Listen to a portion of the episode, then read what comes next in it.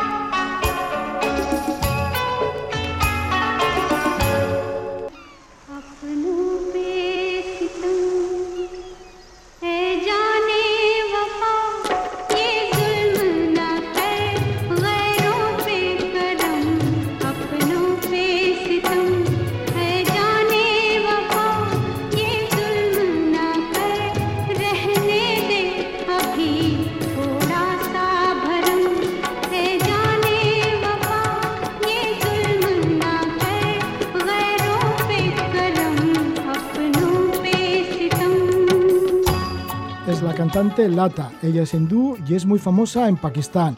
Esta música nos la trae José Ladio Santacara. José Ladio Santacara que ya ha dado tres vueltas al mundo, dos de ellas en su furgoneta Ibilichi y luego pues también ha dado una vuelta al continente africano. Ahora recoge esa primera vuelta al mundo en un libro que lleva el título de Efectivamente la Tierra es redonda. Le recibimos a José Ladio Santacara. Gabón. Gabón. Gabón. Bueno, pues desde Calcastillo al mundo que es donde saliste con tu propia furgoneta. Sí, sí. Y ya bueno, ya estamos ya un poco acostumbrados a eso, pero la primera vez eso, que no sabes lo que te va a ocurrir, lo que va a salir, y, en fin, ocurrió muchas cosas. Te fuiste con una furgoneta Volkswagen del año 2002, a la que has llamado Ibiliche, y, y con esa casa ardante, con esa casa móvil, pues fíjate, ya has hecho dos vueltas al mundo. Sí, la segunda salió un poco mosqueado, por decirlo de alguna manera suave. Eh, fue hace tres años, porque claro, ya Ibileche tenía bastantes kilómetros, eh, hecho donde los ha hecho, y aguantó. Eh, en fin, ya la cuido bastante, no le meto por sitios muy complicados, pero bueno, aguanto bien esta última vuelta al mundo.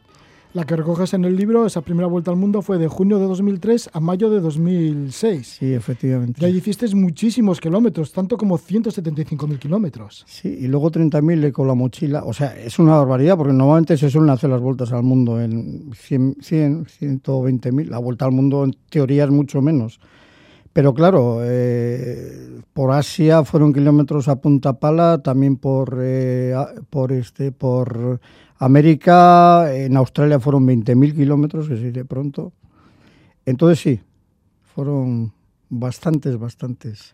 La parte de mochilero que hiciste 30.000 kilómetros fue cuando embarcabas a la furgoneta y te quedabas tú eh, solo y aprovechabas para En parte sí, por ejemplo, de Australia a América, que Vileche pues eh, tardó dos meses, puede tardar menos, pero yo quería un viaje largo, sale más barato además, por la cosa de yo poder viajar también. Entonces ahí fui de mochilero, pero hubo zonas, por ejemplo, Myanmar, eh, Vietnam y, Camboya, pues también con la mochila, eh, Japón, todos esos sitios, sí.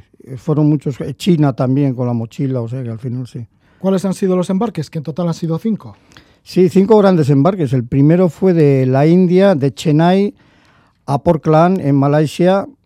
El segundo fue Singapur, Perth, en Australia. El tercero fue Sydney, desde Australia, Sydney, Buenos Aires. El cuarto, eh, Cartagena de Indias, en Colombia, hasta Panamá. Y el quinto ya, pues Nueva York a Inglaterra. Sí. Esto lo recoges en este libro, efectivamente, La Tierra Redonda, un libro de 600 páginas, con un montón de fotografías. Sí, y podían haber sido mucho más, pero bueno, eh, claro, tres años dan para mucho. Eh, el criterio que he elegido son 36 fotos porque fueron 36 meses, uno por mes, ¿no? Y en el libro seguro que te habrá costado mucho, ¿no? Ir recopilando toda esta información. Aunque claro, muchas sí que la tenías escrita. Claro, efectivamente, yo he utilizado las... Pero bueno, hacer un resumen de todo ello... Sí, es, es, un poco complicado, porque claro, eh, sobre todo además yo la página web, en la página web escribía las crónicas en presente para que el lector estuviese en ese momento haciendo esa acción. El libro ha utilizado el pasado para que me diese más libertad para ir atrás y adelante en relatos y claro, eh, eso lleva su... ¿Cuál es el propósito? ¿Cuál es la necesidad de escribir el libro? De dejar constancia de ese, de esa vuelta al mundo, de tu primera vuelta al mundo. Sí, bueno, eh, digo aquí en la tapa del libro que a los viajeros, nadie nos exige ser viajeros, pero sí yo creo que los viajeros tenemos una obligación moral, moral de dar a conocer lo que hemos visto, vivido y, sufrido a veces, ¿no? Sufrido lo dices así como, ahí, como que, que ha sufrido bastante, vamos. Sí, lo que pasa es curioso, y es que en estos viajes, o sea, en la vida real uno intenta olvidarse de lo que le ha salido mal, los sufrimientos, porque se prefiere acordarse del otro. Pero yo creo que en estos viajes te acuerdas de todo, hasta lo, el rato que lo has pasado mal es parte del viaje, ¿no? Y eso no se va nunca, no se va nunca. Sí, sí. sí pero eso que te lo has pasado mal a veces viene bien, ¿no? Quiero decir, porque has superado esos obstáculos. Igual lo guardas con grato recuerdo. Grato, no sé, pero es parte del viaje. Bueno, es que varias veces pues yo y Viliche la daba por perdido. Dije, bueno, a ver qué hacemos aquí. Eh, no, no sale de aquí, de Pakistán. El y todo nevado, no estaba preparada, rotura de, embrague. Y, y bueno, como son viajes, en el fondo son viajes de aventuras y de supervivencia sobre todo, ¿no? Ya sabes un poco a lo que te expones y, ya está. Bueno, pues que Ibileche desaparece, pues, pues, bueno, ¿qué le vamos a hacer? Eh, habrá que buscar un plan B gracias a Dios, eh, sobrevivió Ibilich. Sí, sobrevivió en Pakistán y sobrevivió también cuando te metiste en una playa. Que por poco no sales, porque encima subía la marea. Creo que era en Costa Rica. Sí, eso fue muy curioso porque yo vi una puesta del sol. Las puestas del sol son maravillosas en todos sitios y allí sobre todo. Y dije a por ella. Y yo sin pensar en nada en una playa desierta virgen me metía. Yo vi que el coche se hundió. Pero dije que. ¿Pero cómo te metiste con el coche? Porque quería sacarle la playa. Esas cosas que vas a lo que vas, ¿no? Y la metí allí, me saqué la foto y luego vino el Guero Guerocoa que digo siempre, vino, luego vino el después, ¿y ahora qué hacemos? Y claro, pues... Porque la furgoneta estaba hundida en la arena. Sí, y, bueno, busqué por ahí una serie de hojas de palma y piedras que había, cosas de esas. Y claro, cada vez que lo movía, que la levantaba con los dos gatos, levantaba la parte delantera, avanzaba medio metro como mucho. Y, y tuve que sacar los 5 o 6 metros y yo iba por la noche, era de noche. El agua subía y ya había pensado, bueno, había un árbol para allá, pues lo ataré al árbol como pueda, que no se me la lleve. Son cosas que te quedan ocho horas tarde. Los cangrejos se lo pasaron de maravilla en mi cara, todos ahí. Sí, que andaban rondándote por la cara, claro, cuando estabas poniendo ahí. Pero ya digo, eso, es que no pienses, hay que salir, no piensas ni que estás en mala situación ni nada. Acabas, este, claro, ocho horas ahí en una playa virgen, no sabes lo que va a pasar. Ya, qué paciencia, qué tensión, porque claro, iba subiendo la marea y tienes que salvar tu furgoneta. Pero, Pero son partes del viaje, sí. ¿Saliste de esa también? Sí, bueno, eh, cada, de medio metro en medio metro, pues superé los cinco metros que me había metido y hasta unas diez veces tendría que subir y bajar la camioneta. Diez veces fácil en tu primera vuelta al mundo tenías una filosofía bien clara, porque le llamaste los cinco continentes a través de la música. Ibas en busca de, diferentes músicas, como la que hemos encontrado, como la que hemos escuchado hace un momento. Sí, Lata, Lata, bueno, algo maravilloso. Sí, la música de Lata, ¿no? Esta mujer de la India, esta cantante. Sí, y además, bueno, ya te comentan, es curioso porque Lata eh, vive en Bombay y ya es bastante mayor, pero no puede ni ver a los musulmanes. Ella es hindú, india hindú, sin embargo, en Pakistán es un ídolo. Son ¿Qué es un país cosas que, sí, son cosas de la historia. Lo mismo que el monumento eh, más, impresionante para mí del viaje y de la India es Taj Mahal, que es musulmán. Tampoco les gustan los... Pero bueno, son curiosidades que pasan en la, ¿Por qué ese propósito llevabas, el de llevar la música, de descubrir música en los cinco continentes? Sí, bueno. Bueno, porque tú también eres músico. Claro, músico aficionado, entonces me llevé el chistú, el acordeón y el trombón de vara. El trombón de varas eh, al final lo toqué muy poco, porque claro, hay que hacer boquilla todos los días, no iba a estar ahí.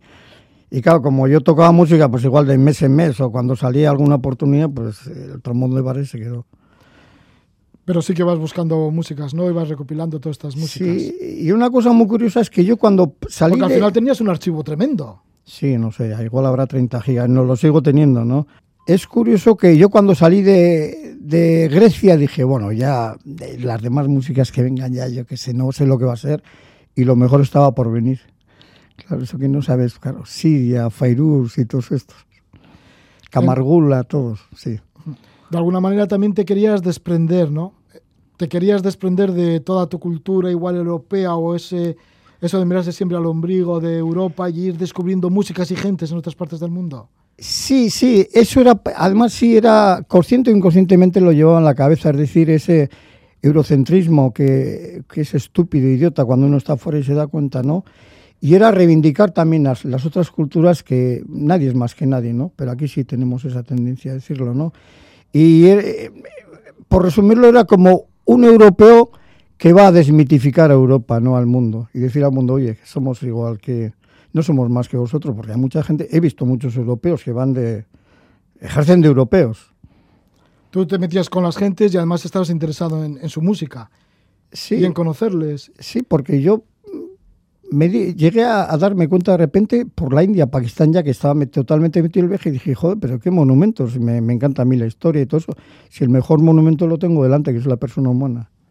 Hablando de personas humanas, cuentas varias historias de gente que te ha dejado marcado, que lo llevas ahí en el recuerdo, que son inolvidables. Por ejemplo, la historia de Lola. Sí.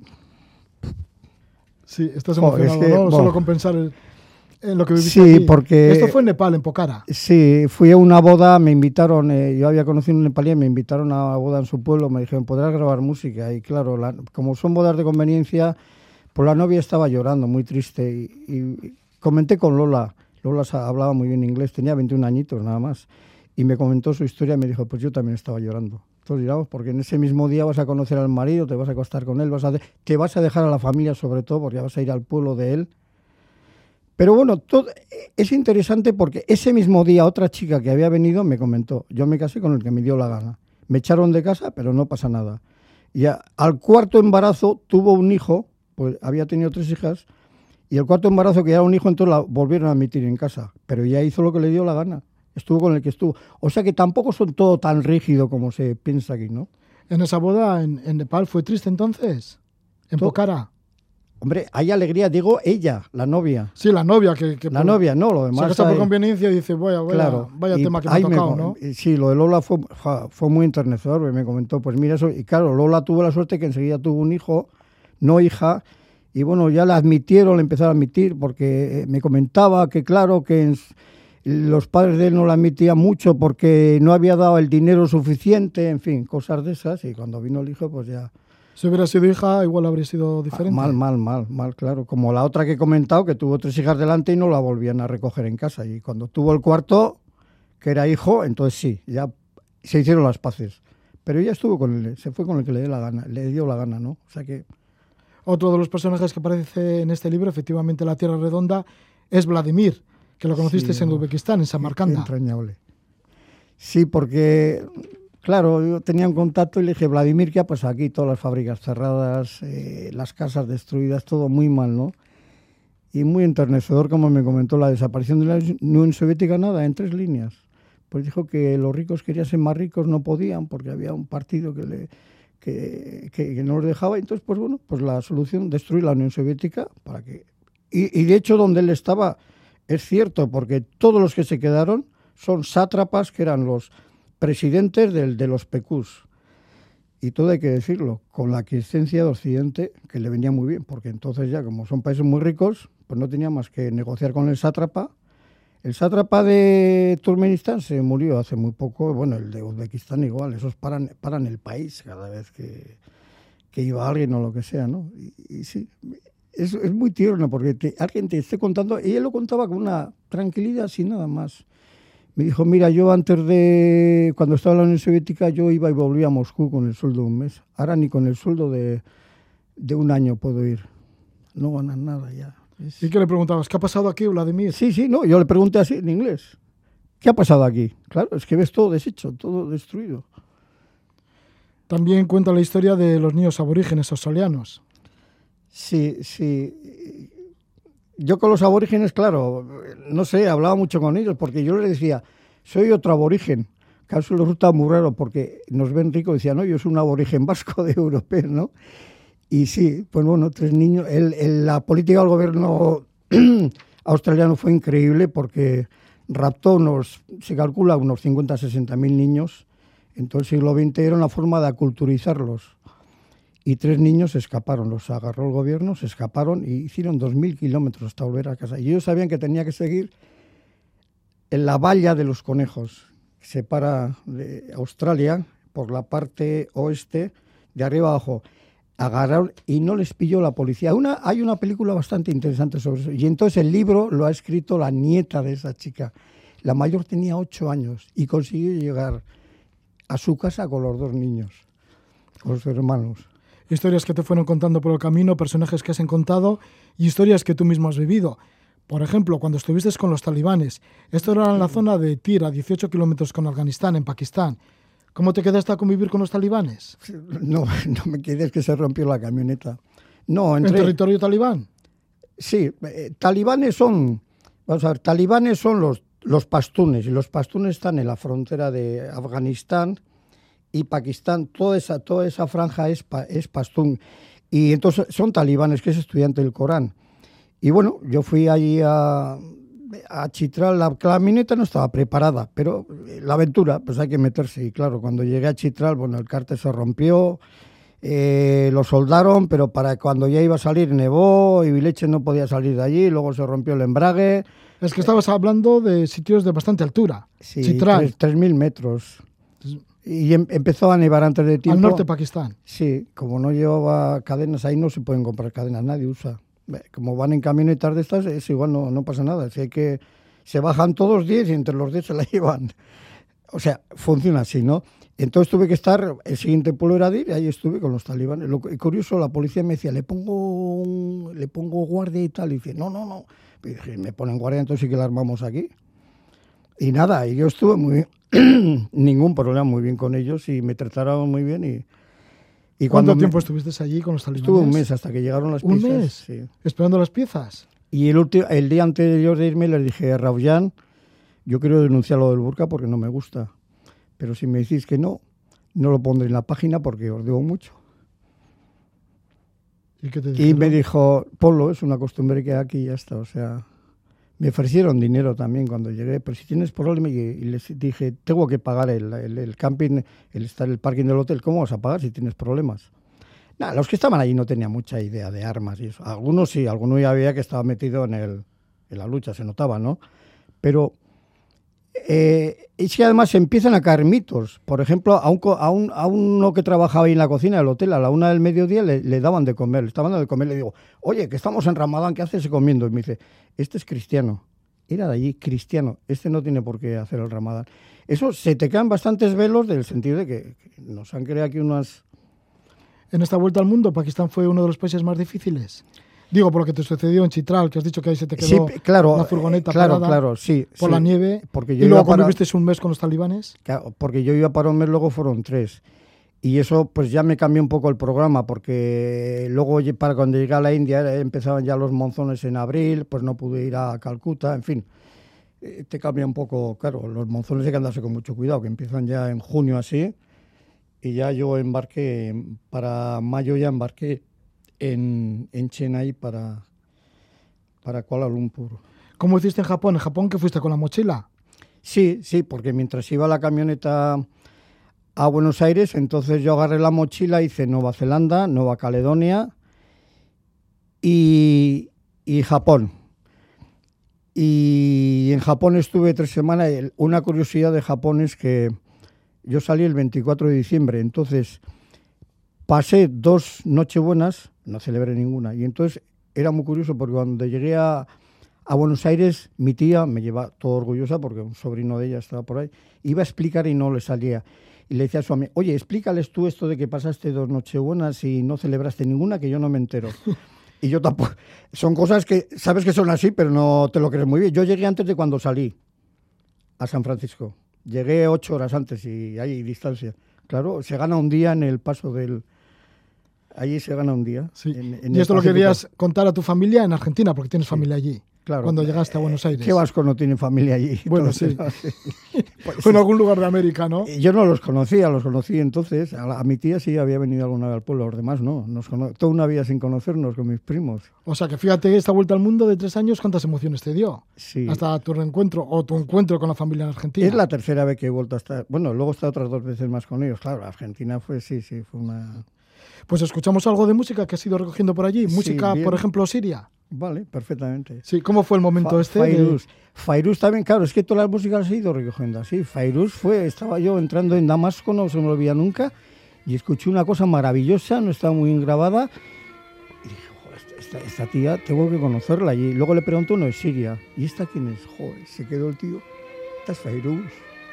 ¿Cómo es Damasco? Es un mito de allí. pero es, un mito. es libanesa, pero es un mito en todo el mundo árabe. Sí. Fairuz. ¿Y cómo fue ese encuentro con Siria, con Damasco? Yo? ¿Qué es lo que pues vas comentando en el libro, en el capítulo pues, dedicado pues a muy, Siria? joder, pues muy tierno y muy bonito, porque ahí vivían cristianos y musulmanes juntos, ahí no pasa nada. Y dices, bueno, pero ¿por qué se ha querido destruir estos, esos países? Dice, no, las dictaduras. En Arabia Saudita hay mucho más dictadura y, y, y no pasa nada, al contrario, ¿no? Entonces, no, fue muy enternecedor, porque yo estuve con algunos, mira, este es cristiano, mi amigo, y yo soy musulmán desde críos y nunca ha habido nada y tal, y ahora todo lo que ha pasado, ¿no? Mm. Y sí, y aparte luego todos los grandes monumentos que tiene, el tiempo de los el tiempo de Justiniano, bizantinos, o sea, sí, eh, muy bien lo pasé también. Escuchamos un poquito a Fairuz, esta música que recogiste allí en Damasco.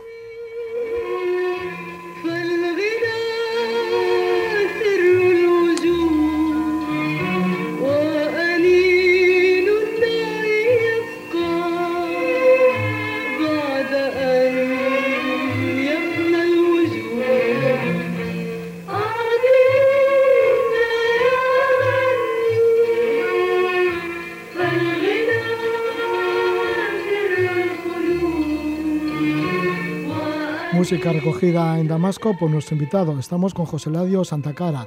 Él es de Carcastillo, Navarra, y de Carcastillo pues salió con su furgoneta a conocer mundo y ya ha dado, bueno, dio la vuelta al mundo entre junio de 2003 y mayo de 2006. Luego dio otra vuelta al mundo con Ibeleche y también ha dado otra vuelta al mundo como, como mochilero. Aparte con Ibileche, también dio la vuelta al continente africano. Esa aproveché, la, la, segunda que la di como mochilero, aproveché en la India, fueron 11 meses, digo en China, 11 meses, y sí, China de arriba abajo, no la hemos conocido. Algún otro viaje que he hecho también. Sí, China lo conoces bien y además has estado en varias estancias aprendiendo chino. Ahora te vas para China. Sí. Pero también estás dejando este libro, efectivamente, La Tierra Redonda, en la que recoges esa primera vuelta al mundo en la que por aquel entonces la llamaste Los cinco continentes a través de la música, por eso iba recopilando músicas por aquí y por allá. ¿Y cómo fue el continente americano? Pues en el continente americano hubo de todo, pero sí tengo que decir que así como en Asia yo aparcaba donde me daba la gana cuando estaba cansado, en América no. En América siempre con mucho cuidado, al lado de la policía, que según eh, podía ser igual peor, pero no. En fin, eh, en gasolineras, sitios que había muchos camiones. En América, en América es un contraste tremendo, ¿no? Y, y ya digo, hubo de todo. Hubo países más tranquilos. Pero no te robaron, ¿no? digo, porque si siempre tenías que estar pendiente en dónde aparcabas a Vileche. No, no, no tuve, no tuve, en ese aspecto no tuve desgaste. Claro, tienes que andarte con mucho cuidado donde aparcas, pero, pero ya, ya, digo, así como en Asia no me preocupaba y nunca pasó nada, aunque, aunque estuviesen ahí medio, medio muertos y muy pobres en la India, no sé, es, su cultura, su cosa. Lo que es. ¿Y hay países como Uruguay? ¿Qué ibas a decir? Sí, que Uruguay estaba más tranquilo, de los más tranquilos ese aspecto, porque en Argentina, por ejemplo, en Buenos Aires, me dijeron en cuanto llegué, tú de noche los semáforos en rojo, ¿eh? Y los semáforos se pasan en rojo, se pasa, yo creo que ahora también seguro, porque aprovechaban, tú eh, aparcabas y enseguida te venían por ahí tres o cuatro a, a lo que fuese. Entonces sí, es, América es, es, es, dura, es dura, se hace muy dura. Centroamérica, pues también bastante. Y luego al norte está Estados Unidos, que ahí es como les dé. Eh, pasé por fronteras Tijuana, pues de maravilla, ningún problema. Y pasé otras donde, vamos, eh, o sea, cállate la boca y sacarte todos los papeles, registrarte todo sin ninguna, no sé, sin el más mínimo respeto a nada y calla, o sea, eh, un poco depende de... ¿En Estados Unidos, en otra frontera con México? E, e, eso me pasó, lo de, vamos, tratarme como si fuese cualquier cosa fue cuando entré desde Canadá. Y bueno, en, la, en, ¿De Canadá a Estados Unidos? En el tercer viaje este último, que la terminé hace dos años, no pude entrar por Estados Unidos para acabar el viaje. Me tuve que volver a México porque yo a sello de Pakistán y Irán. Con Pakistán tiene relaciones diplomáticas con Irán, estaban a bueno, se, está y, y, tengo ficha de terrorista. O sea, es alucinante. Seis horas hay un interrogatorio impresionante porque llevaba esos dos sellos. Seis horas allí. O sea, es, en fin, ¿qué vamos a decir de ese país? Lo mejor y lo peor encuentras ahí. Ya, bueno, pues eso es conocer el mundo también, ¿no? Sí, sí. Y el país que más te ha llamado la atención ha sido China finalmente, porque es el que vuelves continuamente. Además estás aprendiendo chino, te has apuntado a academias, a la universidad, ahora te vas también para allí. Voy a la universidad, esta, vez voy a la de Qinhuangdao. Antes tuve la de Xi'an, ahora voy a Qinhuangdao, cambias. Es que hay una cuestión que no existe en Europa, que es que tú puedes ir a estudiar el idioma allá a cualquier universidad, tiene un departamento, eso no existe en Europa ni en América, ¿no? Y bueno, son relativamente muy baratas, ¿no? Apartamentos. Aprovecharé para escribir el libro de África, a ver si lo terminamos. Sí, porque claro, te queda el, el, de la Vuelta a África, también otras El de China se queda para el año que viene. Y el de China también. Sí, tenemos energías. Porque China es que lo conoces, y eso que es grande el país, lo conoces muchísimo. Pues muchísimas gracias por estar con nosotros. José Ladio Santacara es de Castillo, es profesor de tecnología, ahora ya jubilado, pero aprovechas para aprender chino y vivir en China.